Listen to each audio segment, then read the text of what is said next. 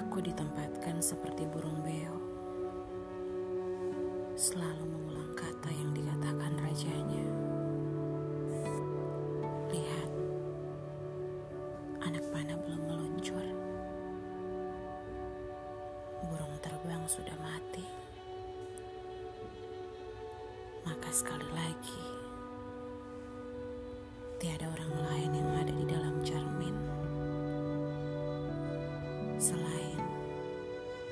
diriku sendiri.